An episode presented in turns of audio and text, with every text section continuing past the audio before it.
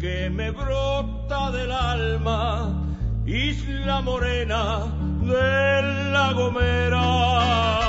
Natura, amb Òscar Callau. Yo te pido, ay madrecita, cuando me muera. Avui visitarem el Parc Natural de Garajonay, a l'illa canària de la Gomera. Jacinto Leralta n'és un dels guies. Es una isla que tiene 1500 metros de altura y forma redonda. Podría parecer como un exprimidor de naranjas gigantes porque está surcada por barrancos. Entonces, en la cumbre, en la parte alta de la isla, está cubierta por un bosque de laurisilva y ni hay viviendas ni hay núcleos de población, simplemente hay eh, monte y carreteras, nada más.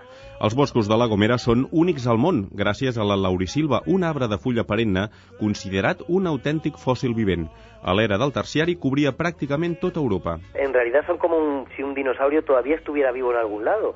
La laurisilva que vive en Canarias y también en, en Madeira y en menor medida en Azores es un tipo de bosque que cubría toda la cuenca mediterránea hace varios millones de años. Son exactamente igual que los fósiles que se han encontrado en, en la cuenca mediterránea, pues por ejemplo en Barcelona. El bosc de laurisilva es manté a la Gomera gràcies al clima d'humitat constant per la boira i les temperatures poc variables. Els terrenys volcànics i escarpats acaben de dibuixar un paisatge que sembla transportar-nos a la prehistòria. Están entrando los vientos alisios, que son los que dejan esa, esa bruma, esa niebla, ese agua en la isla y que hace que esto sea verde. Si cogemos un avión en línea recta hacia el este, llegaríamos al desierto del Sáhara. Aquí en Canarias, gracias al alisio, aunque no llueva mucho, en, eh, sí que la bruma es prácticamente constante, cerca del 80% de los días. Pasear con bruma es una auténtica maravilla, es un paisaje fantasmagórico, eh, solo falta encontrarte el dinosaurio, ¿no?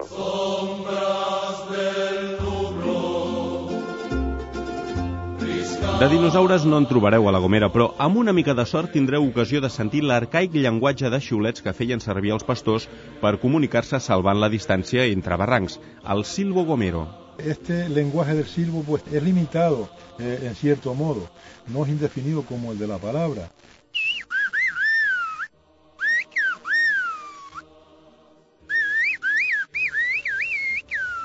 El parc pren el nom del cim més alt de l'illa, que per la seva banda recull la llegenda de l'amor impossible entre una noia de la Gomera, illa de la humitat, i un noi de Tenerife, l'illa del volcà Teide. Gara, princesa de Agulo, el lugar del agua.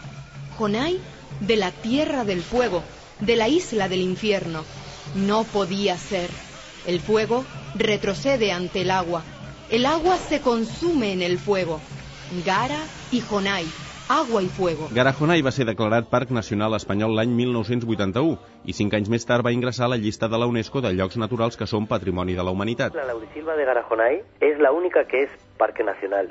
Eso te habla del estado de conservación tan bueno que tiene. Más del 80% de los árboles grandes que hay en Canarias están en La Gomera. Y La Gomera, en realidad, como digo yo con todo, con todo el cariño, es como una cagadita de mosca en un mapa, ¿no? Es nada, son 370 kilómetros cuadrados. Més informació sobre Garajonay al web del Ministeri de Medi Ambient, reddeparquesnacionales.mma.es.